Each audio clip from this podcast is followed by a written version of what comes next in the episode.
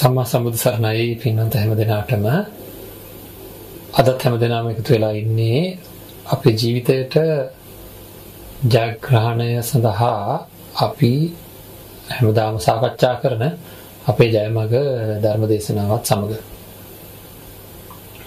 ඉතින් ලෞකික ලෝකෝත්තර කියන දෙපැත්තම ගැන සමබරව ජීවිතය අරගෙන යන්නට අපිට හැකියාව තියෙන්න ඕන කියන කාරණාව අපි හැමදාම මතක් කරනවා.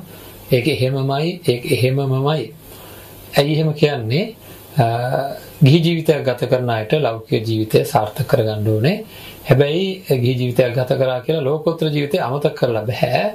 ලෝකයේ ඉක්මවා යාම සඳහා කරන යම් කටයුත්තක් සිද්ධ කළ යුතු යම් කටයුත්තක් තියෙනවා නම් කවදා හරි දවසක ඒක වෙන්න ඕන මේ පංච උපාදානස්කන්ධයෙන් හිත අතමුදවා ගන්න එක ජීවිතේ ප්‍රථම අරමුණක් වෙන්න ඕනේ.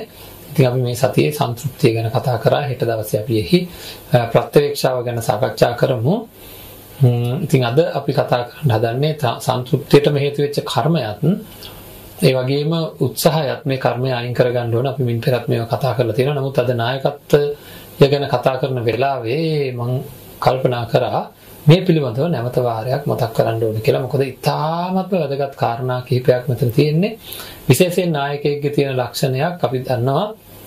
බෞද්ධ හැම කෙනෙක්ම නායකයෙක් වෙන්න ඕන නායකත්ව ලක්ෂණ තියෙන්න ඕනේ. මොකද බෝධි සම්භාරයේ පුරන බෝධිසත්වයන් වහන්සේ තරම් නායකත්වය උහුලපු තව කිසිවක් මේ ලෝකේ නැහැ. තව ඒ ඒ නායකත්වය කොච්චර ආදර්ශ සම්පන්නද කියලා අපි දන්නවා. ඉතින් ඒ එවැනි උත්මයෙක්ගෙන් පැවතගෙන එන ඒ සරණාගමනය ඇති කරගෙන තියෙන බුදුරජාණන් වහන්සේගේ සරණාගමනය ධර්මයේ සරණාගමනය මහා සංඝරත්නය කියන ත්‍රිවිධ රත්නයේ සරණාගමනය ඒ කියන්නේ සරණයට පත්වෙච්ච බව ඊ타මත්ම දැඩි හැඟීමකින් එවැනි තත්වයකට පත්වෙච්ච බව ප්‍රකාශ කරලා තියෙන අපේ පින්වන්තය කියන්නේ බෞද්ධයෝ. හරි. ඉතින් බලන්න එහෙමද දන්නේ බුද්ධං සන්නං ගච්ඡාමි ධම්මං සන්නං ගච්ඡාමි සංඝං සන්නං ගච්ඡාමි කියලා කියනවා. කිසිම ප්‍රබල හැඟීමක් නැද්ද දන්නේ අන්නේ ප්‍රබල හැඟීමක් නැත්තම් ඇයි නැත්තේ කියන එක අපි හොයලා බලන්නත් ඕනේ. තේරුම් ගන්නත් ඕනේ. තේරුම් අරගෙන ජීවිතය සාර්ථක කරගන්න වැඩපිළිවෙල නිර්මාණය කරගන්නත් ඕනේ. ඉතින් ඒ සඳහා තමයි මේ හැම දෙයක්ම ඉතින් මේ හැම දෙයක්ම Tamanගේ පැත්තෙන් ඉතා හොඳින් හිතලා බලලා කොහොම හරි නිවැරදිම ඉලක්කයකට එන්න ඕනේ. ඉතින් ඒකින්ද ජීවිතේ ජීවත් කරවද්දී නොදන්න දේවල් දැනගෙන සසර ජීවිතේටම හේතු වෙන නොදන්න දේවල් දැනගන්නයි බුදුරජාණන් වහන්සේ දේශනා කරපු ධර්මයේ කාරණා සහිතව එතකොට කොච්චර निराවුල්ව ධර්මය තුලින් අපිට දියුණු වෙන්න පුළුවන්ද කියලා ලෞකික ලෝකෝත්තර දෙපැත්තටම දියුණු වෙන්න පුළුවන්ද කියලා ධර්මයේ හදාරණ අයට තමයි තේරෙන්නේ. ඉතින් ඒකින්ද ධර්මයේ පැත්තෙන් කරගත යුතු විග්‍රහයන් තියෙනවා. ඒ විග්‍රහයන් सिद्ध කරගන්න නායකත්වය කියන එක තමන් තුළ හැදෙන්න ඕන මම එකක් කිය බෞද්ධයෙක් තුළ නිකන් නායකත්වයක් නෙවෙයි අභිමානවත් නායකත්වයක් සකස් වෙන්න ඕන. වෙන කෙනෙක් මත රඳා පවතින්නේ නැති වෙන කෙනෙකුට පරදවාලන්නට හැකියාවක් නැති ප්‍රබල නායකත්වයක් සකස් වෙන්න ඕන. ඉතින් ඒ ගැන මේ අද දවසේ අපි කතා කරන්නේ ඒ ගැනයි. කොහොමද මේ නායකයෝ හැසිරෙන්න ඕන? අනිත් අයටත් ආදර්ශයක් වෙන ආකාරයට හැසිරෙන්න ඕන කොහොමද කියලා අපි බලන්න ඕනේ තේරුම් ගන්න ඕනේ. එතකොට මිනිස්සු වර්ග හතරකට බෙදනවා ධර්මයේ. එක්කෙනෙක් තමයි කර්ම ඵලප ජීවි. අනිත් එක්කෙනා තමයි උත්හාන ඵලප ජීවි. අනිත් එක්කෙනා තමයි කර්ම උත්හාන ඵලප ජීවි. අනිත් එක්කෙනා තමයි නේව කර්ම නේව උත්හාන ඵලප ජීවි කියලා කියන කොටස් හතරකට බෙදෙනවා මිනිස්සුන්ගේ මේ ක්‍රියාකාරීත්වයන් සහ පෙර කරපු කර්ම අනුව තමයි මේ කොටස් හතරකට බෙදෙන්නේ. ඉතින් අපි බලන්න ඕනේ මාව අයිති වෙන්නේ කොයි කොටසටද කියලා. හ්ම් මාව අයිති වෙන්නේ මේ හතරෙන් කොයි කොටසද කියලා බුදුරජාණන් වහන්සේ මෙහෙම වර්ගීකරණයන් ඇති කරපුවාම අපි ඒවා පිළිබඳව ඒ විදිහට හිතන්න ඕනේ. ඒ විදිහට අපේ ජීවිතය ඊටාම සාර්ථක කරගන්න කටයුතු සම්පාදනය කරගන්නම ඕනේ. එතකොට මේ වර්ගීකරණය අනුව Taman කොතනද ඉන්නේ කියලා හොයාගන්න ඕනේ. එහෙම හොයාගත්තාම ඒකට ප්‍රතිකාර හොයාගන්නත් පුළුවන්කම තියෙනවා කොහොමද මේකට ප්‍රතිකාර යොදාගන්නේ කියලා.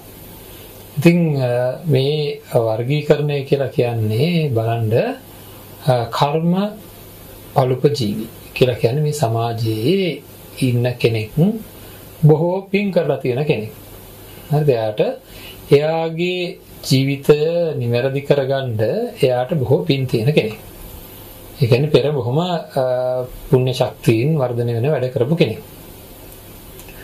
ඊළඟට උත්හාන පළප ජීවී කියලා කියන්නේ එහෙම නැහැ. එයාට පින් නැහැ හරියට. නමුත් එයා ලොකු උත්සාහයකින් කටයුතු කරන කෙනෙක්. එයාට පව් තියෙනවා කරපු කර්ම තියෙනවා. එයාට ලේසියකට දියුණු වෙන්න බෑ. නමුත් හැබැයි උත්සාහය තියෙන කෙනෙක් එයාට දිනු වෙන්න පුළුවන්කම තියෙනවා. ඇත්තටම ලෝකේ බිහි වෙන හොඳම නායකයෝ බිහි වෙන්නේ මෙන්න මේ තුන්වෙනි කණ්ඩායමේ. ඒ කියන්නේ වැටෙන්නේ නැතුව හිනි පෙත්තටම යන්න බාධාවල් අඩුව යන්න පුළුවන්කම තියෙනවා. ඒ වගේ බාධාවල් නැතුව නෙවෙයි ඕනම බාධාවක් ජයග්‍රහණය කරගන්නත් පුළුවන්කම තියෙනවා. කොතන ගියවත් වැටෙන්නෙත් නෑ. ඒකට අවශ්‍ය කරන පරිසරයත් සකස් වෙනවා. අන්න ඒ තමයි ලෝකයේ ශ්‍රේෂ්ඨම පුද්ගලයෝ බිහි වෙන්නේ. ඔන්න ඔය කියන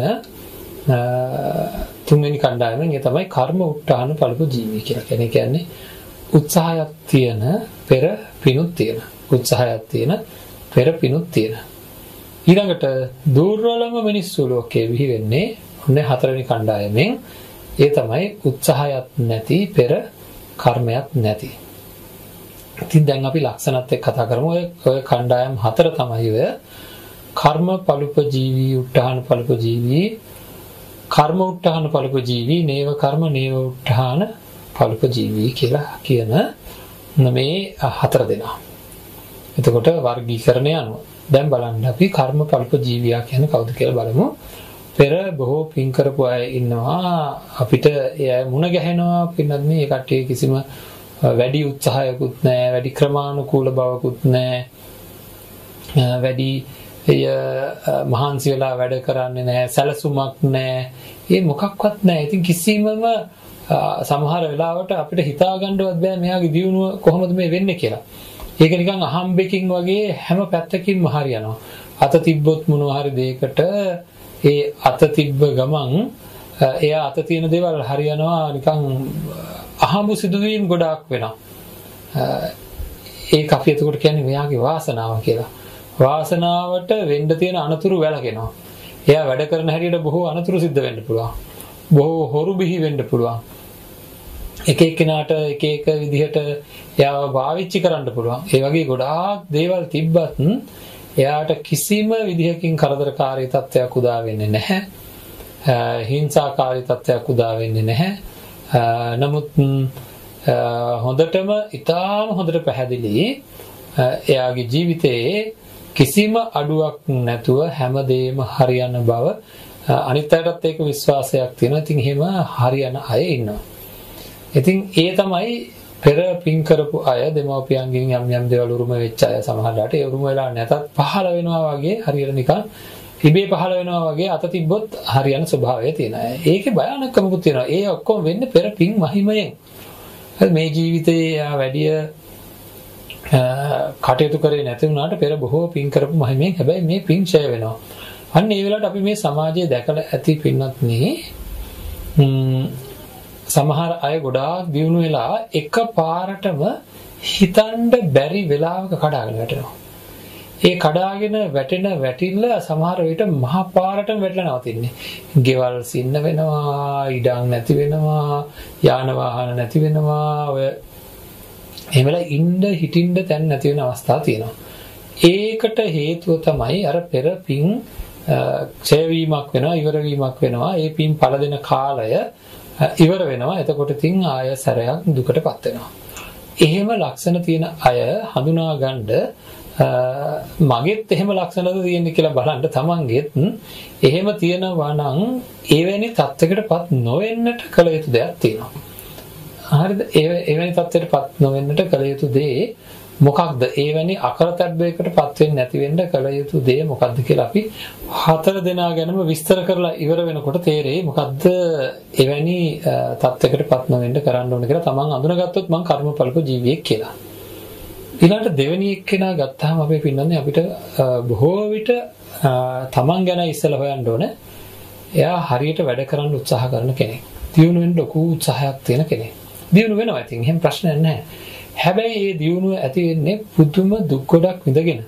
බාධාවල් කියන ඒවා ඉවරක් නැති වෙනවා. එයාට සෞම්‍ය මාර්ග හැදෙන්නෙම නැහැ. හැබැයි අතහරින්නෙමත් නැහැ. ඒ උත්හාන පළපු ජීවියාගේ හැටි උත්සාහයෙන් එයා දියුණු වෙනවා. අතහරින්නේ නැහැ. හරියට කන නොහිතන වෙලාවක හරියට කරදර එනවා. සමහර විට වැඩක් කරන්න ඕන්න මෙන්න කියලාද හිතලා නිකන් තරහකාරයෙක් කරා වගේ. හරිද බලන්නකො මේ දේ කරන්න හදනකොටමනේ මේක උනේ සමහරට පරම්පරාවේ මරණයන් සිද්ධ වීම නැත්නම් මොනවා හරි අසනීප වීම හරියටම වෙලාව අල්ල අඩුම ගානේ වැස්සක් හරි වහිනවා. හරිද? ඒ වැඩේ කරන්නම බැරි වෙන්න යම් වැඩක් ආරම්භ කරපුවාම ඉතින් ඒක ඒකෙදි දැනගත යුතුව තියෙනවා මං මොනවා හරි වැඩක් කරන්න ගියාම බාධාවල් එනවා වැඩි. මේ බාධාවල් එන්න හේතුව තමයි මගේ පෙර පව් තියෙනවා. පෙර පින් කරලා නැහැ මං මේ වගේ ලේසියෙන් සෞම්‍ය මාර්ගයක දියුණු වෙන්න පින් කරලා නැහැ. ඒක තේරුම් ගන්න ඕන. හුඟක් දෙනෙක් ඉන්නවා අතන. අන්න එයා මොනවද කරන්න ඕනේ කියලා බලන්න ඕනේ. දැන් බොහෝ පින් රැස් කරගන්න ඕනේ. ඒ වගේම කර්මය ෂය කරගන්න අවශ්‍ය කරන වැඩපිළිවෙලක් හදාගන්න ඕනේ. ඒකත් මොකක්ද කියලා අපි බලමු. එවැනි කෙනෙක් කොයි විදිහට ජීවත් වෙන්න ඕනේ කියලා දැන් මේ මේ ඉස්සෙල්ලා හඳුනා ගැනීම සිද්ධ කරමු. ඊට පස්සේ ප්‍රතිකර්ම මොනවද කියලා බලමු. එතකොට තමන් සහ සමහරට අපේ දරුවෝ ගැනත් අපි එහෙම හිතන්න ඕනේ. සමහර දරුවෝ ඉන්නවා පවුලට එකතු වුණාම හරියට ඒ පවුලේ අයට හරියනවා. ඒ අරයාගේ පින්මහි මේ හින්දා. සමහර අය ඉන්නවා පින්නත් සමහර ව්‍යාපාරිකයෝ කියලා තියෙනවා. මෙන්න මේ අහවල් සුළු සේවකයා මම මගේ ස්ථානයට ගත්තට පස්සේ මට හරියන්න පටන් ගත්තා කියලා. ඒකේ මනිත් පැත්තකුත් තියෙනවා. සමහර අය ඉන්නවා පවුල් වලට එකතු වුණාම එහෙම නැත්නම් ඒ කියන්නේ ඉපදුනහම නැත්නම් විවාහ වෙලා පවුලකට එකතු වුණාම එහෙම නැත්නම් ව්‍යාපාරයකට එකතු වුණාම ඒ ව්‍යාපාරේ වංකොලොත් වෙනවා. හරි. ඒ ව්‍යාපාරය බංකොලොත් වෙනවා. ඉතින් ඔය වගේ අපි හැම වෙලාවකම බලන්න ඕනේ. අපි හැම වෙලාවකම බලන්න ඕනේ අපේ ජීවිතේ ගොඩාක් නිවැරදි කරගන්න අවශ්‍ය කරන වැඩපිළිවෙලක් අපි හදා ගන්න ඕනේ. ගොඩක් නිවැරදි කරගන්න ඕනේ ජීවිතේ. ඉතින් ඒකට තමයි අවශ්‍ය කරන වැඩපිළිවෙල නිවැරදිව සකස් කරගන්න ඕනේ. ඒකින්ද තමන්ව තේරුම් ගන්න ඕනේ. එහෙම නැත්නම් කොච්චර කරත් හරියටම ප්‍රතිකාර කරගන්න බැරි වේවි. ඒකින්ද මම තේරුම් ගත්තොත් ඔය කියන જાතියේ කෙනෙක් මම කියලා මට බාධා එනකොට කාටවත් දෙස් දෙවල් තියලා වැඩක් නැහැ. මේක අපි ඊයේ දවසේ කතා කරා වගේ මේක මගේම අතීත වැරදි හින්දා අතීතේ මම බොහෝ පින් කරගෙන නැහැ. ඒකෙන්ද වැඩක් කරන්න ගියාම මට පුදුමාකාර බාධාවන් එන්නේ. හැබැයි උත්සාහයෙන් යා යුතු ගමන යා යුතු තියෙන උත්සාහයෙන් කියලා යන්න ඕන වැටෙන්නේ නැතුව. හරි. එතකොට එයාටත් යන්න අමාරුයි. අමාරු වුණාට එයා යනවා. පළවෙනි එක්කෙනා පහසුවෙන් යනවා ගියාට ස්ථාවර නැහැ. ඒතර මොනවද කරන්න ඕනේ කියලා කතා කරමු. ඊළඟට එන්නේ තුන්වෙනි එක්කෙනා එයා තමයි ලෝකේ ඉහළම හිණිපෙත්තටම දියුණු වෙන එක්කෙනා. එයා වැටෙන්නේ අතරමඟදී. එයාට බොහෝ පින් තියෙනවා. බොහෝ පින් තියෙන හින්දා බොහෝ පරිසරය සකස් වෙනවා එයාට. අපූර්වට දියුණු වෙන්න ඕන කරන සියලු පරිසරය සකස් වෙනවා. ඒ කියන්නේ ඒවා හම්බු සිදුවීම් නෙවෙයි. ඒ පරිසරය සකස් වෙන ආකාරයට ඒක තමයි පුණ්‍ය ශක්තියේ මහිමය කියලා කියන්නේ. පින් තියනවා කියලා අපි අතර කොහොමත් රාවයක් තියෙන එක. හැබැයි එයාගේ පින් ඉවර වෙන්නේ නැහැ. ඉවර වෙන්නේ නැත්te එයාගේ පින් උල්පත එයා මෙහෙත් හදාගෙන. එයා මෙහෙත් බොහෝ පින් රැස් කරගන්නවා උනන්දුවෙන් කටයුතු කරනවා. එතකොට එයාව කොයි පැත්තකින්වත් වැටෙන්නේ නැහැ. උනන්දුව තියනවා. ඒකින්ද එයාට එකපාරටම කර්මය ෂය වුණත් එයාට වැටෙන්න හේතුවක් වෙන්නේ නැහැ. ඒ වගේම කර්මය තියෙන හින්දා එයාට කරන කරන වැඩ ඊ타මත්ම හොඳින් හරියනවා. ඉතින් ගොඩක් ඉහළට යන්න පුළුවන් ජීවිතයේ උත්සාහ කරන ඕනම පැත්තකට ජීවිතේ වර්ධනය කරගන්න පුළුවන්කම තියෙන්නේ ඔන්න ඔය වගේ පුද්ගලයන්ට. ඒකයි ලෝකයේ මම කිය ශ්‍රේෂ්ඨයෝ බිහි වෙන්නේ බොහෝ නායකයෝ බිහි වෙන්නේ ඔන්න ඔය කෙනෙක් බවට පත් වුණොත් තමයි කර්ම උත්හාන බලප ජීවියෙක් නම්. ඉතින් මේ ජීවිතේදීම එවැනි තත්යකට පත් වෙන්න ඕන කියන අදිෂ්ඨානය අරගෙන කටයුතු කරන්ඩ පුද්ගලයාට පුළුවන්කමකුත් තියෙනවා. ඒ මොකද පෙර පිං නැහැ කියලා දැනෙනවා නම් පිං කරගන්න ඕන. ඔව්. ඒ කොහොමද එහෙම කරගන්නේ කොහොමද එතෙන්ට යන්නේ කියන එක ගැන අපි මං කිව්වා දැන් ප්‍රතිකර්ම කරගන්නේ කියේදී කතා කරමු. ඊළඟට ඊ타ත්ම අවාසනාවන්ත පුද්ගලයෙක් ඉන්නවා. ඒ අවාසනාවන්ත පුද්ගලයා තමයි කර්මය ගැනම කියෝ කියෝ කියෝ කියෝ ඉන්නවා. පෙර පිං කරලා නැහැ. ඒකෙන් දැන් හරියට කරදර එනවා. කරදර එනකොට එයා මොකද කරන්නේ? කර්මය ගැනම කියවනවා. මටමමයි වෙන්නේ මටමමයි වෙන්නේ මේක මගේ කර්මයක්ද කොහෙද කියලා කියනවා. නමුත් ඒවාට ප්‍රතිකාරය දීලක් සිද්ධ වෙන්නේ නැහැ. කර්මය කියලා ඔහේ ඉන්න ගතිය තියෙන ඔක්කොම ඉතින් වෙන්න තියෙනවා නම් වෙන්න තියෙන දේ නවත්තන්න කාටවත් බෑ කියන වචනය බෞද්ධ වචනයක් නෙවෙයි. පින්වත් බෞද්ධ ධර්මයේ එහෙම එකක් නැහැ. කර්මය නවත්තන්න බෑ කියලා කියන්න බෑ. වෙන්න තියෙනවා නම් කියන තැන වෙන්න තියෙනවා නම් කියන තැන කියවෙන්නේ කර්මය ගැන. ඒතර කර්මය නවත්තන්න කාටවත් පුළුවන් කමක් නැහැ. ඉතින් ඒකින්ද අන්න එහෙම කියනවා. එහෙම කර්මය නවත්තන්න පුළුවන් කමක් නැහැ කියලා කියන්නේ ඒක බුද්ධ වචනයක් නෙවෙයි. කර්මය අයින් කරන්න පුළුවන්. ඒ ගැන අපි දැන් කතා කරමු. ඒ ගැන කියන්නේ නැතුව කර්මයටම කොහොම ඉඩ දීලා ඉන්නවා උත්සාහයකුත් නැහැ. කර්මයට ඉඩ දීලා හිටියා කියලා අර පුණ්‍ය කර්මයක් නැහැ. අර පාප කර්මයන් කරගත්ත අකුසලයන් තමයි යාට තියෙන්නේ. ඒකින්ද යාට හරියට කරදරකාරී තත්ත්වයන් එනවා. ඒකෙන් ගොඩ එන්න උත්සාහයකුත් නැහැ. වැටෙන තැන වැටිලා දුකෙන් දුකටපත් වෙන පුද්ගලයෙක් තමයි නේව කර්ම නේව උත්හාන පල්ප ජීවී කියලා කියන්නේ. ඉතින් ගොඩාක් උනන්දු වෙලා තමන්ගේ ජීවිතය හදාගන්න ඕනේ. කොහොම හරි කරලා ඒ වගේ පුද්ගලයෝ කල්පනා කරන කොහොම හරි කරලා මම මගේ ජීවිතය සකස් කරගන්නවාමයි කියලා දැඩි අදිෂ්ඨානයකට එන්න ඕනේ. එහෙම තමයි නිවැරදිව කටයුතු කරන අය කටයුතු කරන්න ඕනේ.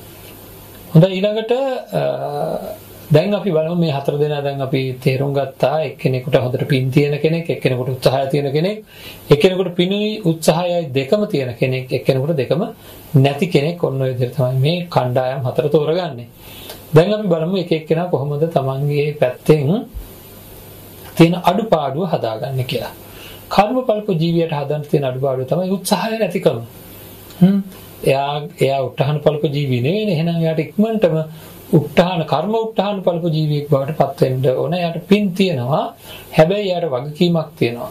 තේරුම් ගත්තාම අපි තේරුම් ගන්න තමන් ගැන තමන් හොඳට භවභෝග සම්පත් ලැබිලා තියෙනවා නම් අන්න ඒවා කිසිම උත්සාහයක් නැතුව අත ගහන අත ගන්න එක හරියනවා නම් පින්වන්ත බව දැනෙලා ඇති. එතකොට ඒ පින්වන්ත බවත් එක්ක කල්පනා කරන්න වෙනවා. මට අදාළ නැති පින්වන්ත බවක් තමයි මේ තියෙන්නේ. මේක පෙර කරපු පින් ඒක මගේ account එක වගේ. නමුත් මේක account එක මේ චෙක් කරගන්න දෙයක් නැහැ කොච්චරක් තියෙනවද කියලා ඒක හින්දා කොයි වෙලාවෙ ෂය වේද දන්නේ ලොකු අනතුරකට මම වාජනය වෙන්න පුළුවන් එහෙම වුණොත් මම ව්‍යාපාරයක් නම් කරන්න එක කඩාගෙන වැටෙන්නට පුළුවන්කමකුත් තියෙනවා. ඒක හින්දා මම කර්ම බලප ජීවියෙක් වෙලා විතරක් වැඩන්නේ කර්ම උත්හාන බලප ජීවියෙක් වෙන්න ඕනේ. කියලා පෙර පින් තියෙන මම බොහෝ උත්සාහවන්ත වෙන්න ඕන මේ ජීවිතේ පින් කරගන්න සහ මේ ජීවිතයේ උපක්‍රමශීලීව කටයුතු කරන්න උගත්ව කටයුතු කරන්න ලොකු උත්සාහයක් ගන්නට ඕනේ කියලා දැඩි අදිෂ්ඨානයක් ඇති කරගන්න පුළුවන්කම තියෙනවා.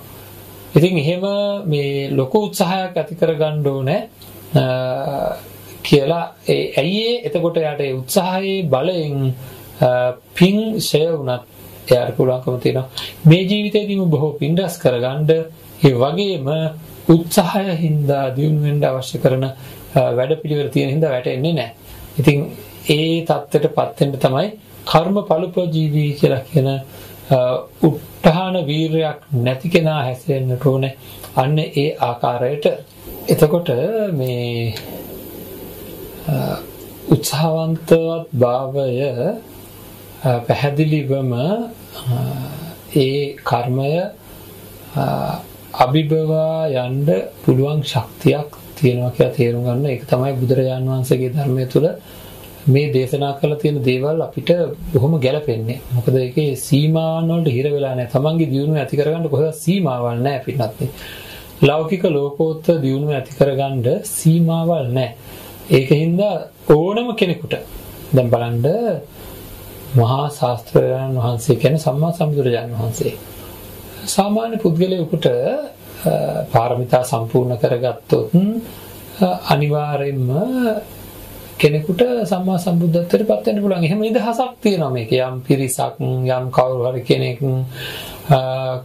යම් යම් කුලමල ભેදයන් මේ මොනවාක්වත් නැති ඊ타මත්ම අවශ්‍යතාවය තියනවා නම් Tamanට භවගාමී ගමනේදී හෝ කොහෙද හරි තැනක සම්පූර්ණයෙන්ම ලෝකය තනියම අවබෝධ කරගෙන දේශනා කරන සම්මා සම්බුදුරජාණන් වහන්සේ නමක් බවට පත් වෙන්න පවා හැකියාවක් තියෙනවා. ඒක තමයි උත්සාහයෙන් දියුණු වෙන්න පුළුවන් කියලා කියන්නේ. එකක්වත් වෙන දෙයක් මත රඳාපවතින ඒවා නෙවෙයි කියන එක ගැන අපි හොඳින් තේරුම් ගන්න ඕනේ. ඉතින් කර්ම පළුප ජීවියා උත්සාහවන්ත වෙන්න ඊළඟට අපි යමු උත්හාන පළුප ජීවී කියන කෙනා මොකද කරන්න ඕනේ කියලා. එයාට උත්සාහය තියෙනවා හොඳින් නමුත් එයාට පෙර පින් නැහැ. එහෙනම් දැන් කරන්න තියෙන්නේ අරයා තමන්ගේ උත්සාහය වැඩි කරන්න දැන් අරගෙන කටයුතු කරන්න සූදානම් වුණා. මෙයා මොකද කරන්නේ? තමන්ගේ කාලය ගන්න ඕනේ පින් වැඩි කරගන්න. හරිද? එතකොට මොකද බොහෝ වශයෙන් තමන්ට පින් සිද්ධ කරගන්න ඕනේ. එහෙම නැත්නම් එයාට දියුණු වෙන්න බෑ. උත්හාන පල්ප ජීවියා මොකද කරන්න ඕන? කර්මය නැති කරගන්න. එයාට අතීතයේ බොහෝ පුණ්‍ය ශක්තිය නැහැ. පාප කර්මයන් තියෙනවා. ඒ තියෙන පාප කර්මයන් දුරු කරගන්න ඕනේ. බොහෝ පින්ඩස් කරගන්න ඕනේ. මේ සඳහා එයාට භාවිතා කරන්න පුළුවන් වෙන්නේ හතර ගොල්ලටමත් භාවිතා කරන්න ඕන එකක් මේක අපි කියන්නේ ධර්මයේ සඳහන් වෙන කර්මේශය කරගන්න ක්‍රමවේදය. මොකද මෙයා බොහෝ පව් කරපු කෙනෙක් පින් නැති කෙනෙක්ින්දා එයාට බොහෝ කර්මයන් පරිසම් දෙන්න බලනවා මේ දෙවෙනි කෙනාට. ඉතින් මොකද්ද ක්‍රමයේ? භාවිත කාය, භාවිත සීල, භාවිත චිත්ත, භාවිත ප්‍රඥා කියලා. භාවිත කාය, භාවිත සීල, භාවිත චිත්ත, භාවිත ප්‍රඥා කියලා කියන කාරණා හතර තමයි කර්මය අයින් කරගන්න වැඩපිළිවෙල. තමන්ගේ ජීවිතයට උනත් ඇවිල්ලා තියෙන කර්මය අයින් කරගන්න. භාවිත කාය කියලා කියන්නේ කායානුපස්සීව වැඩ කටයුතු කරනවා. එහෙම නැත්නම් කයේ නිවැරදි භාවිතය.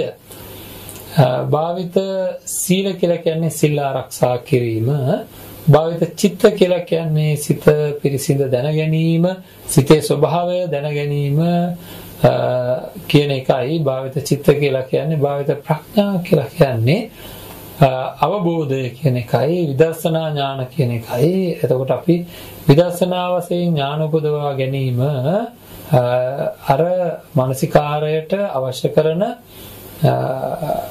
නිවැරදි අදහස් ලබා දීලා කටයුතු කිරීම අර ඇති වෙලා තියෙන පාපකාරී තත්ත්වයන් නැති කරගන්න විශාල හේතුවක් වෙනවා. අති විශාල හේතුවක් වෙනවා. ඒ තමයි මේ පින් කරගන්න ඕන කරන ප්‍රබලම ක්‍රමය තමයි පංචශීලය ආරක්ෂා කිරීම. ඒ වගේ දේවල් සිද්ධ කරමින් මේ මේ කාරණා ටික සඵල කරගන්න ඕන භාවනාවක් සිද්ධ කරගන්න ඕන ඉක්මන් කුසල් වර්ධනයක් සඳහා භාවනාවක් පවා සිද්ධ කරගත යුතුව තියෙනවා. එතකොට මේ බොහෝ පින්ඩස් කරගන්න ඕන උත්හාන පළප ජීවියා කර්මඵලප ජීවියා බොහෝ උත්සාහය ආරක්ෂා කරගන්න ඕනේ. ඉතින් කර්මය නැති කෙනා මේ උත්සාහයෙන් කටයුතු කරන කෙනා හොඳට බලන්න ඕනේ. මම බොහෝ කර්ම රැස් කරගන්න ඕනේ. කියන්නේ බොහෝ පින් කරගන්න ඕනේ. ඉතින් කර්මයෙන් බේරෙන්න ඕන පෙර පාප කර්මයන් කරලා තියෙනවා නම් ඒවෙන් බේරෙන්න ඕන කියලා සැබෑවටම භාවිත කාය කියලා කියන්නේ එතන කායානුපස්සීව වාසය කිරීම. ඉතින් කයි කය වැරදි භාවිතයට නොයදා කය ගැන අවබෝධයෙන් කටයුතු කිරීම. කයෙන් වැරදි නොකිරීම විතරක් නෙවෙයි. එතකොට සීලය ආරක්ෂා කිරීම භාවිත සීල කියලා කියන්නේ හොඳින් සිල් ආරක්ෂා කරන්න ඕන. තමන්ට තේරෙනවා නම් කරදරකාරී කාලයක් ඇවිල්ලා තියෙන්නේ නැත්නම් කරදරකාරී තත්ත්වයන් ඇති වෙන්න හේතු වෙන බොහෝ දේවල් සිද්ධ වෙමින් තියෙනවා කියලා. ඒක හොඳට තේරෙනවා. අපේ ජීවිතේ අපි ගෙවනකොට මේ පින්නන්ත අයට දැනিলা ඇති ඒක හොඳට තේරෙනවා. ඒ කියන්නේ මේ කරදරකාරී කාල එනකොට එක දිගට එක පැත්තකින් එකක් වෙනකොට තව පැත්තකින් තව එකක් වෙනවා තව පැත්තකින් තව එකක් වෙනවා නවත්ත ගන්න බැරුව වෙනවා. එතකොට තේරුම් ගන්න ඕන ඔය එක එක මේ වෙනත් වැඩ නෙවෙයි කරන්න ඕන අපි. බොහෝ දේවල් තියෙනවා සිද්ධ කරන්න. ඒ දේවල් නෙවෙයි සිද්ධ කරන්න මේ සමාජයේ සම්මත වෙලා තියෙන බොහෝ දේවල් ඒ දේවල් නෙවෙයි කරන්නට ඕනේ. සමාජ සම්මත වශයෙන් තියෙනවා අපි දන්නවා හොඳටම මේ එක එක උපක්‍රම යොදන්න ග්‍රහ දෝෂ එක එක ඒවා කියලා. ඉතින් ඒවා අසරණකම හින්දා වෙන කරන්න දෙයක් නැති හින්දා ඒ පැත්තට අපි නැඹුරු වෙලා කටයුතු කරනවා. නමුත් ඒක නෙවෙයි විය යුත්ත. විය යුත්ත දේ ඊට වඩා බොහොම වෙනස්. ඒ කියලා කියන්නේ අපි හරියට සිල් ආරක්ෂා කරන පන්සිල් ආරක්ෂා කරනකොට බොහෝ දේවල් සිද්ධ වෙනවා. භාවිත කාය කියන එක, භාවිත සීල කියන එක, භාවිත චිත්ත කියන එක තුනම වැඩෙනවා එකවර මේ පන්සිල් ආරක්ෂා කරන කෙනාට යන්තමින් හෝ අපි කියපු භාවනාවකට හිත යොමු කරොත් එහෙම පැහැදිලිවම භාවිත ප්‍රඥා කියන එක වර්ධනය කරගන්න පුළුවන්. භාවිත චිත්ත කියන තැන සමත භාවනාවත් භාවිත ප්‍රඥා කියන තැන විදර්ශනා භාවනාවත් වැටෙනවා. ඉතින් කොහොම නමුත් ජීවිත අවබෝධය තමයි බොහෝ වශයෙන් කර්මය ඡය කරගන්න පුළුවන් වෙන්නේ. ඒක පැහැදිලි උදාහරණ වලින් අඟුලිමාල තෙරුන් වහන්සේ කියන උත්තමයාණන් වහන්සේ අහිංසක තරුණයා වෙලා කොච්චර ලොකු පාපයක් කරගත්තද 999ක් මා ඇඟිලි එකතු කරගත්තා කියලා කියන්නේ ඊට වැඩි ප්‍රමාණයක් ඝාතනය කරා කියන එකනේ. ඒ කියන්නේ යම් කිසි සමහර ගැරවිලා වැටෙනවා තියෙනවනේ එක් අයකින් එක් ඇඟිල්ල බෑගින් අරගෙන තමයි මේ මාලය හදන්නේ. ඉතින් ඇඟිලි මාලයක් හදපු මහා දාමරිකයෙක්ව එච්චර ලොකු දේවල් කරපු කෙනෙක් රහතන් වහන්සේ බවට පත් වෙනකොට ඒ කර්මය ෂය වෙනවා යනවා. ඒ කර්මය ප්‍රතිසන්දෙන්නේ නැහැ. ඒකයි චිත්තය බලවත් වෙන්නේ කර්මයට වැඩිය. ඉතින් අපිත් බලන්න ඕන හැම වෙලෙම අපේ චිත්ත ශක්තියන් වර්ධනය කරගන්න අපි කොහොමද අපිව නිවැරදිම තැනකටපත් කරගන්නේ කියලා හොඳින් හොයලා බලන්න ඕන වැරදි තැන හරියට තේරුම් ගන්න ඕන. මගේ ජීවිතේ වැරදිලා තියෙන්නේ කොතනද කියලා බලන්න ඕනේ. මගේ ජීවිතේ වැරදිලා තියෙන්නේ කොතනද කියලා බලලා ඒ වැරද්ද නිවැරදි කරගත්තේ නැත්නම් හරියටම ප්‍රශ්නේ තේරුම් අරගෙන. එතකොට මට තේරෙනවා නම් මම උත්සාහ කරාට මට කරදරකාරී තත්ත්වයන් එනවා කියලා මගේ කර්මය බලපෑමක් තියෙනවා. එකක් මගේ පුණ්‍ය කර්මයන් නෑ, අනිත් එක මගේ පාප කර්මයන් තියෙනවා. එතකොට මේ ඒකින්ද මම මොකද කරන්න ඕනේ? ඉක්මනින් ප්‍රතිකාර යොදා ගන්න ඕනේ කියලා පැහැදිලිවම මට නායකයෙක් විදිහට ඉස්සරහට යන්න නම් මේ වගේ විශේෂයෙන්ම මෙතනදී උත්සාහය කියන කේ උත්සාහයයි ඒ ඇති වෙන්නේ කර්ම පළුප ජීවියාට එයා තමන්ගේ ජීවිතයේ උත්සාහයෙන් දිනු වෙනා වගේම මේ උත්හාන පළප ජීවියාට බොහෝ පින්ඩස් කරගන්න ගියාම කර්මයෙන් බලපෑම් එනකොට කොහොමද ඒ කර්මය එන බලපෑම අයින් කරගෙන තමන් කටයුතු කරන්නේ කියන එක තමයි ඔය තියෙන්නේ. ඉතින් ඒ අනුව හැම වෙලාවකම අපේ ගෙදර දොරේ පවා අපිට ඔය පංචශීලය ආරක්ෂා කරනවා කියන එක අතිමහත් වූ වැදගත්කමක් තියෙන්නේ ඔය හැම එකක්ම ඕකත් එක්ක හරියන හින්දා. ඔය විදිහ ප්‍රතිකාර යොදාගත්තාම ඔය හැම දෙයක්ම අපිට හොඳින් ඉතා හොඳින් නිර්මාණය කරගන්න පුළුවන්කමක් තියෙන හින්දායි අපි කියන්නේ ඔය විදිහට උත්සාහ ගන්න කියලා. ඉතින් තව තව දුරටත් හිතලා බලන්න ජීවිතේ කොතන හරි තැනක වරද්ද ගන්නේ නැතුව කටයුතු කරන්න පුළුවන් වෙන්න ඕන. එතකොට කර්ම උත්හාන පළප ජීවියා තමන්ගේ ඒ තියෙන හැකියාව රැක ගන්න ඕනේ. එයාව දන්නවා මම බොහෝ පින් කරගෙන තියෙන මේ පින් ඉවර වෙන්න දෙන්න හොඳ නැහැ. තව බොහෝ පින් ඩස් කරගන්න ඕන දානමාන ආදිය දෙමින් පින් ඩස් කරගන්න ඕනේ. ඒ වගේම තමයි පංචශීලය ආරක්ෂා කරනවා නම් බොහෝ පින් ඩස් වෙන බව අපි දන්නවා හොඳටම. සංඝාවාසයක් හදලා පූජා කරනවට වඩා වැඩි පිනක් සිද්ධ වෙන බව මේ පංචශීල ආරක්ෂා කිරීමෙන් එහෙම දෙයක් සිද්ධ වෙන බව අපි දන්නවා. ඉතින් ඒක ගැන තවදුරටත් විමසමින් තවදුරටත් විමසමින් කටයුතු කරන්න ඕන මේ කියන කාරණාව සිද්ධ කරගන්න. ඉතින් ඊළඟට ඒත් එක්කම තමන්ගේ උත්සාහය නැති කරගන්න හොඳ නෑ. මොකද කොයි වෙලාවක හරි එයා කර්ම උත්හාන කියන தත්වෙට ඉන්න කෙනාගේ තියෙන ඒ උත්සාහය කර්මය දෙකෙන් එකක් හරි ෂේ වුණොත් එයා වැටෙන්න පුළුවන්. ඊළඟට ඒ දෙකම නැති වෙන්නත් පුළුවන්කම තියෙනවා. ඒකින්ද තමන් ඇති කරගෙන තියෙන தত্ত্বය නැති කරගන්නේ නැතුව එතනින්නම් තවත් ඉස්සරහට යන්නට උත්සාහ කරන්න ඕන හැම කෙනෙක්ම එහෙමයි. තමන්ගේ ජීවිතය ළඟා විය හැකි ඉහළම ඉලක්කයකට ළඟා වෙන්න කරන්න ඕන හැම දෙයක්ම සිද්ධ කරන්න පුරුදු පුහුණු වෙන්න ඕන තමන්ගේ ජීවිතේ. ළඟා විය හැකි ඉහළම ඉලක්ක වලට ළඟා වෙන්න කරන්න පුළුවන් හැම දෙයක්ම සිද්ධ කරන්න උත්සාහ ගන්න ඕනේ. මොක විශේෂයෙන්ම මොකක්ද අරමුණ වෙන්න ඕන හැම වෙලේම අපි කියන්නේ ජීවිතයේ අරමුණ අවසානයේ තෘප්තියයි. තෘප්තිමත් ජීවිතයක් තමයි ජීවිතයේ අරමුණ තියෙන්න ඕනේ. ඉතින් නිවැරදි නායකත්වයන් අනිත් අයව තෘප්තියට යොමු කරනවා සන්තුෂ්ටි තත්ත්වයටපත් වෙන්න යොමු කරනවා. තමනුත් ඒ වගේ තෘප්තිමත් තත්ත්වයටපත් වෙනවා. කොහොමද කරන්න කියලා දැනගෙන ජීවත් වෙනවා. එතකොට සමාජයක් નિවැරදි කරගන්න පුළුවන්කම තියෙන හින්දා ඊ타ත්ම ප්‍රබල වැඩපිළිවෙලක් අපි නිර්මාණය කරගන්න ඕන තමන්ගේ පැත්තෙන්. තමනුත් નિවැරදි වෙලා තමනුත් තේරුම් අරගෙන අන් අයවත් තේරුම් අරගෙන අන් අයගේ ස්වභාවය විශේෂයෙන් මෙතනදී තමන්ගේ දරුවන්ගේ ස්වභාවය ගැන තේරුම් ගන්න ඕන දෙමව්පියෝ. සමහර අය හරියට පීඩනයට ලක් කරනවා සමහර දරුවන්ව එයාලට බැරි දේවල් කරන්න කියලා. සමහරට කර්ම පළුප ජීවියෙක් කියලා තේරුම් ගත්තේ අරගෙන උත්‍රාණ පළුප ජීවියෙක් නෙවෙයි කියලා තේරුම් ගත්තොත් නිවැරදි වැඩපිළිවෙලයට යොමු කරන්න ඕන කොතෙන්ද කියලා දෙමාපියෝ තේරුම් ගන්නවා. ඒකට ඉතින් තමන්ගේ පැත්තෙන් තමන් තේරුම් ගන්න තියෙන්න ඕනේ ඉස්සෙල්ලා. ඒ වගේ සමහර වෙලාවට තමන්ගේ දරුවව තේරුම් ගනි පෙර පින් කරලා නැහැ කියලා. එතකොට ඉතින් එයාව පින් කරවන්න යොමු කරවන්න පුළුවන්කමක් තියෙනවා. අපි ඔය කිව්ව ලක්ෂණ වලින් එයාව තේරුම් ගන්න ඕන. ඉතින් හතරවෙනි එක්කෙනාව තමයි ගොඩ ගන්න අමාරුම කෙනා. එයා හරිම වැරදි දෘෂ්ටියක ඉන්නේ. එයා කියන්නේ සිද්ධ වෙන දේවල් සිද්ධ වේවි. සිද්ධ වෙන දේවල් සිද්ධ වේවි මේ එන හැටියකට මුණ දෙනවා කියලා. ඉතින් ඒව නවත්තන්න බෑ කියලා. අන්න ඒක තමයි වැරදි දෘෂ්ටිය තියෙන්නේ. වෙන්න තියෙන දේවල් නවත්තන්න බෑනේ ඉතින්. ඒ ඒ වෙලාවට එන එන විදිහට ජීවත් වෙනවා කියලා. වෙන්න තියෙන දේවල් කියලා මෙහෙ කොහෙවත් ලියවිලා නැහැ. ඒ තමන් කරගත්ත දේවල්.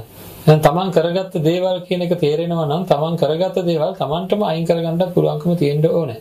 තමන් නම් කරගත්තේ කියලා තේරෙනවා නම් සසර ජීවිතේ හෝ කර්මය කියලා එහෙනම් තමන්ම ඒක අයින් කරගන්න උත්සාහයක් ගන්න ඕනේ. ඉතින් මේ ගැන හොඳට තේරුම් අරගෙන අපි උත්සාහ කරමු අපේ ජීවිතයේ කොයි විදිහකින් හරි අවශ්‍ය කරන කඩයිමට පත් කරගන්න ඕනේ. අපේ ජීවිතේ නිවැරදි කරගන්න ඕනේ. ඒ නිවැරදි කර ගැනීම සඳහා වැඩපිළිවෙලක් අපේ පැත්තෙන් ආරම්භ කරගන්න ඕන හැම වෙලාවකම වගේ. එහෙම නැත්නම් අපිට දියුණු වෙන්න පුළුවන්කමක් ඇත්තේ නැහැ පින්වත්නි. දියුණුවට යන්න පුළුවන්කමක් ඇත්තේ නැහැ. ඉතින් මේවා ගැන ඉතාමත්ම ප්‍රබලව හිතලා බලලා ජීවිතේ ඉතාමත්ම යහපත් තත්යකට පත් කරගන්න හැම නිමේෂයකම කල යුතු දේ කරන්නත් ඕනේ නොකල යුතු දේ නොකර සිටින්නටත් ඕනේ තමන්වත් තමන්ගේ ළඟ ඉන්න අයවත් නිවැරදි කරගන්න ඕනේ හරියටම තේරුම් ගන්න දෘෂ්ටි නම් අයින් කරගන්න ඕනේ දෘෂ්ටි අයින් කරගත්තාම අර නේව කර්ම නේව උත්හාන පළප ජීවි කියනට තේරෙන දැන් කර්මය ඡය කරගන්න පුළුවන් කියලා. ඊළඟට ඒ වැඩපිළිවෙල යොදන්න ඕන උත්සාහයෙන් කටයුතු කරන්න කටයුතු සම්පාදනය කරලා දෙන්න ඕනේ. ඉතින් මේ දේවල් තේරුම් ගැනීම නායකත්වයක තියෙන ලක්ෂණයක්. නායකයා කල්පනා කරන්න ඕනේ හැම වෙලෙම අනාගතේ ඈත බලලා කටයුතු කරන්න ගැති නොවි තමන්ගේ පැත්තෙන් ඊටා නිවැරදි ඉලක්කයකට යන්නට ඕනේ. ඊටා නිවැරදි ඉලක්කයකට යන්න හැම වෙලාවකම නිවැරදි දේ තෝරගෙන ජීවිතේ ජය ගන්න වැඩපිළිවෙලක් හදා ගන්න ඕනේ. නිවැරදි දේ තෝරගන්න ඕනේ. ඒ නිවැරදි දේ අනුව ජීවිතේ උපරිමයක් කොට ජය ගන්නට අවශ්‍ය කරන වැඩපිළිවෙලක් තමන්ගේ පැත්තෙන් නිර්මාණය කරගන්න ඕනේ. ඒක තමයි අපි ළඟා කරගත යුතු ප්‍රබලම ඉලක්කයක් බවට පත් වෙන්නේ. තේරුම් අර ගැනීමයි අත්‍යවශ්‍යයි. එතකොට හිමින් බලන්න දැන් අපි කතා කරපු දේවල් වල කොතනද තමන්ගේ ජීවිතය කියලා. ජීවිතය දිහා ආපහු හැරිලා බලනකොට විමසිලිමත් හිතා විමසිල්ලෙන් ජීවිතය දිහා හැරිලා බලනකොට අපිට තේරෙන්න පටන් ගන්නවා වැරද්ද තියෙන්නේ කොතනද කියලා. වැරද්ද තියෙන්නේ කොතනද? ඒ වැරද්ද නිවැරදි කරගන්න අවශ්‍ය කරන වැඩපිළිවෙල අපිට හදාගන්න පුළුවන්කම තියෙනවා. වැරද්ද නිවැරදි කරගන්න ඕන කරන වැඩපිළිවෙල හදාගන්න ප්‍රතිඵලය හඳුනා ගන්න ඕනේ. මේ වෙනකොට මගේ ජීවිතය කියන්නේ ප්‍රතිඵලයක්. මොන වගේ ප්‍රතිඵලද? අතීතයේ ප්‍රතිඵලයක්. අතීතයේ මං ජීවත් වෙනකොට කිසිම උත්සාහයක් නැති විදිහට වැඩ කටයුතු කරන්න මගේ පැත්තෙන් මම සකස් කරගෙනනම් පසුබිම ඉතින් ඉක්මනට ඒ හිත වෙනස් කරන්න ඕනේ. ඒකට බොහෝ දේවල් තියෙනවා. විමසන්න බොහෝ දේවල් අපි ගන්නලා තියෙනවා. සංසාර බය වගේම මේ ජීවිතයේ ආදීනවයන් මේ විදිහට ජීවත් වෙලා පළක් නැහැ කියන එක ගැන ආදීනවයන් මෙනෙහි කරමින් අපිට බොහෝ දේවල් තියෙනවා හිතන්න. ඉතින් ඒ වගේම තමයි අපේ ජීවිතයේ අපි තේරුම් ගන්නම ඕන දේවල් අතීත හේතුවෙන් කියලා දැනගත්තාම මට මගේ தත්ත්වය දැන් මේ වර්තමානයේ නිර්මාණය වෙලා තියෙන අතීත හේතුවෙන්. එහෙනම් අනාගතය නිර්මාණය වෙන්නේ වර්තමානයේ සහ අතීතයේ දෙකම හේතුවෙන්. ඒත් වර්තමානය ප්‍රබලව මම වෙනස් කිරීමෙන් මට අනාගතයේ වෙන්න තියෙන දේ නවත්තන්න පුළුවන්. ඔන්න ඔතනදී තමයි අපේ ওই කේන්දරේම සම්පූර්ණයෙන් බොරු වෙන්නේ. උපන් වෙලාවට කිව්වා නම් යම්කිසි කෙනෙක් මෙන්න මේ දේවල් වෙන්න තියෙනවා මේ ළමයාට මෙන්න මේ කාලේ වෙන්න තියෙනවා මේ කාලේ වෙන්න තියෙනවා මේ කාලේ වෙන්න තියෙනවා කියලා කියලා තියෙනවා නම් ඒවා පෙර කර්ම වෙන්නම ඕනේ. ඒවා පෙර කර්ම වෙන්න ඕනේ. එතකොට එහෙම වෙන්න තියෙනවා කියලා තියෙන දෙයක් අපි හිතමු හා වෙනම් ඒවා පෙර කර්ම අනුව එහෙම වෙන්න තියෙනවා කියලා. ඉතින් මේ ළමයාට පුළුවන්කමක් තියෙනවා තමන්ගේ ජීවිත කාලයේදී නිවැරදි භාවිතයකට ගිහිල්ලා උත්සාහයෙන් කටයුතු කරලා මේ කේන්දරය වෙනස් කරන්න. එතකොට ඉතින් කොහොමද අනාවැකි කියන්නේ? අනාවැකි කියන්න විදිහක් නැහැ. ඒ වගේ වෙනස් කරන්න පුළුවන් දෙයක් නම් ඒක බුදුහාමුදුරෝ දේශනා කරපු දේ. සම්මා සම්බුදුරජාණන් වහන්සේ දේශනා කරපු දේ තිබියදී බෞද්ධ විදිහට මේ කේන්දර පිටුපස්ස යනවා හරිද? බෞද්ධ විදිහට මේ කේන්දර පසුපස යන්නේ නම් එතන අතිවිශාල ගැටලුවක් තියෙනවා. අතිවිශාල ගැටලුවක් තියෙනවා බෞද්ධකමේ. බෞද්ධකමේ අඩුවක් තියෙනවා. බෞද්ධයෙක් විදිහට අභිමාණයෙන් තමන්ගේ ජීවිතයට මුහුණ දෙන්නට නොහැකියාවක් ලැබිලා තියෙනවා. වෙනත් දේවල් මත රඳා පැවතිලා කටයුතු කරන ස්වභාවයකටපත් වෙනවා. තව ඔය මොනවද එක එක තියෙන මේ රාහු කාලය ඒ වගේ වෙලාවල් වල වැඩක් කරන්න හොඳ නැහැ බුදුරජාණන් වහන්සේ නැකත් ගැන දේශනා කරා නැකතක් ඕන කියලා දේශනා කරා නැකත කියලා සඳහන් කරේ මොකක්ද සිතකය වචනේ නිවැරදි කරගෙන කටයුතු කරන වෙලාව ඕන වෙලාවක් ඒක ඔය නස්තාත්වයට අනුව තියෙනවා කියන නැගත් වලට වැඩිය අති ප්‍රබල බව සම්මා සම්බුදුරජාණන් වහන්සේ දේශනා කරා. ඉතින් ඒකින්ද අපි මේවා ගැන අපේ දෘෂ්ටියෙන් වැඩ කරලා හරියන්නේ නැහැ. දැඩි එඩිතර බවක් ඇති කරගන්න ඕනේ. මම මේකට මුණ දෙන්න ඕනේ කියලා. දැඩි එඩිතර බවක් ඇති කරගන්න ඕන මම මේකට මුණ දෙන්න ඕන කියලා. අහන වෙලාවට විතරක් තිබිලා බෑ. ඒ කියන්නේ හිත පුහුණු කරන වැඩපිළිවෙලට අපි යන්න ඕන පින්නත් හැම වෙලේම නායකත්වයක ලක්ෂණයක් තමයි අන් අයව හිත පුහුණු කරන වැඩපිළිවෙලකට යොමු කිරීම. හේතු දකින්න එක. හේතු දැක්කම තමයි මේ හේතු තේරෙන්නේ. නැතුව ඵලය දිහා විතරක් බලන එක නෙවෙයි. ඵලය දිහා බලලා දඬුවම් දෙන එකෙන් කිසි තේරුමක් නැහැ. ඒ දඬුවම ඵලය නිර්මාණය වෙන්න හේතුවක් වෙනවා නම් ඵලය වෙනස් වෙන්න ඵලය නිර්මාණය වෙච්ච හේතු වලට ප්‍රහාරයක් එල්ල වෙනවා නම් ඒ දඬුවමෙන් අන්නේ දඬුවම දෙන්න ඕන. දඬුවම හින්දා බය උපදිනවා නම් අඩුම ගන්න කෙනෙක් හරියන්න එවැනි දඬුවමක් දෙන්න ඕන. ඉතින් ස්ථානෝචිතව කළ යුතු දේ නොකළ යුතු දේ තේරුම් ගැනීම නායකත්ව ලක්ෂණයක්. ඉතින් එහෙමනම් මේ කාරණා හතරට අනුව තමන්ගේ අනුගාමිකයින්ව හොයාගන්න ඕනේ. දැන් ගෙදර ඉන්න තාත්තා නායකයා ගෙදර ඉන්න අය අනිත් අනුගාමිකයින්ව කොයි වගේ ජීවීන්ද කියලා හොයාගන්න ඕන. කර්ම පළප ජීවීද, උට්ටාන පළප ජීවීද, කර්ම උට්ටාන පළප ජීවීද, නේව කර්ම නේව උට්ටාන පළප ජීවීද කියලා හොයාගන්නවා. හොයාගෙන මොකද කරන්නේ? ඒ අනුව කටයුතු කරනවා. ඒ අනුව කටයුතු කරනවා. එහෙනම් මෙයා මේ වගේ එක්කෙනෙක්ය. ඒකින්ද මෙයාට මෙන්න මේ වගේ ප්‍රතිකාරය යොදවන්න ඕනේ කියලා දැනගෙන කටයුතු කිරීම තමයි අත්‍යවශ්‍ය වෙන්නේ. ඉතින් මේවා අපි තාමත්ම ලොකු අවධානයක් යොමු කරන්න ඕන දේවල් සංසාරික ජීවිතේ අපිට මේවා හම්බෙන්නේ නැහැ පින්නත් මේ ජීවිතේ નિවැරදි කරගන්න ක්‍රම ලෞකිකත්වය දියුණු කරගන්න පවා අපිට අවශ්‍ය කරන්නේ මේ වගේ වැඩපිළිවෙලක්. ඉතින් ලෞකිකත්වය දියුණු කරගන්න ලෞකිකත්වය තුළ තමන්ගේ අවශ්‍ය කරන වැඩපිළිවෙල නිර්මාණය කරගන්න පුළුවන්කමක් නැහැ කෙනෙකුට මේ විදිහට තමන්ගේ පැත්තෙන් මේ වෙනකොට වර්තමානයේ ක්‍රියාත්මක වෙන ක්‍රියාත්මක වීම මොකක්ද කියලා දන්නේ නැත්තම් ඒ කියන්නේ අපි গুপ্ত බලවේග වලට අහු වෙන්න හොඳ නැහැ. හරිද? අපිට නොපෙනෙන බලවේග ගැන අපි බුදුරජාණන් වහන්සේ දේශනා කරලා තියෙන කොහොමද කියලා බලන්න ඕනේ. චිත්ත වේගය කියන එක පේන්නේ නැහැ නමුත් දැනෙනවා. කර්ම වේගය කියන එක පේන්නේ නැහැ නමුත් තේරුම් ගන්න පුළුවන්කම තියෙනවා. හැබැයි වෙනත් ඔය කියන විකාර බලවේග කොයි විදිහටද ක්‍රියාත්මක වෙන්නේ කියලා අපිටවත් හොයාගන්න පුළුවන් කමක් නැහැ. කාටවත් හොයාගන්න පුළුවන් කමක් නැහැ. ඒවා හිතලු විතරයි. එක එක උපකල්පන විතරයි. ඉතින් ඒකින්ද නායකයෙක් කවදාකවත් ඔය රාහු කාලය නැකත් වෙලාවල් කර්මය වගේ දේවල් පිළිබඳව කර්මයට කරන ප්‍රතිකාර වර්තමාන සමාජයේ තියෙන විකාර රූපී දේවල් නැතුව සම්මා සම්බුදුරජාණන් වහන්සේ දේශනා කරපු ආකාරයට තමන්ගේ ජීවිතයට ඒවත් දේවල් ඒකරාශී කරගන්න එක නායකයෙක්ගේ ලක්ෂණයක්. ඒ මොකද ඒක නිවැරදි දේ හින්දා ඒක ඇත්ත හින්දා. ඒකින්ද හොඳින් විමසලා බලන්න අතීතයේ දිහා තමන් කර්ම පළපු ජීවියෙද්ද උත්හාන පළපු ජීවියෙද්ද නේව කර්ම නේව උත්හාන පළප ජීවියෙද්ද නැත්නම් කර්ම උත්හාන පළප ජීවියෙද්ද කියලා හොයලා බලලා ඒ අනුව ප්‍රතිකාර කර ගනිමින් තමන්ගේ ජීවිතය ඉහළම තලයකට නංවා ගන්නට අදිෂ්ඨාන කරගන්න ඒ සඳහා අවශ්‍ය කරන සිහිය නුවණ වීරය අදිෂ්ඨානය ප්‍රඥාව ආදී සියලු ගුණාංගයන් ඒ ඒ సంతානවල තම තමන්ගේ సంతානවල වැඩේවා. සියලු යහපත් සිද්ධ වේවා. මේ ජීවිතය සාර්ථක වේවා. සසර ජීවිතය සුවපත් වේවා. අවසාන වශයෙන් උතුම් නිවනින් සැනසෙන්නට ධර්ම ශ්‍රවණය මේ ආනිසංසය හේතු වේවා කියලා ප්‍රාර්ථනා කරනවා. හැමදෙනාටම තෙරුවන් සරණයි.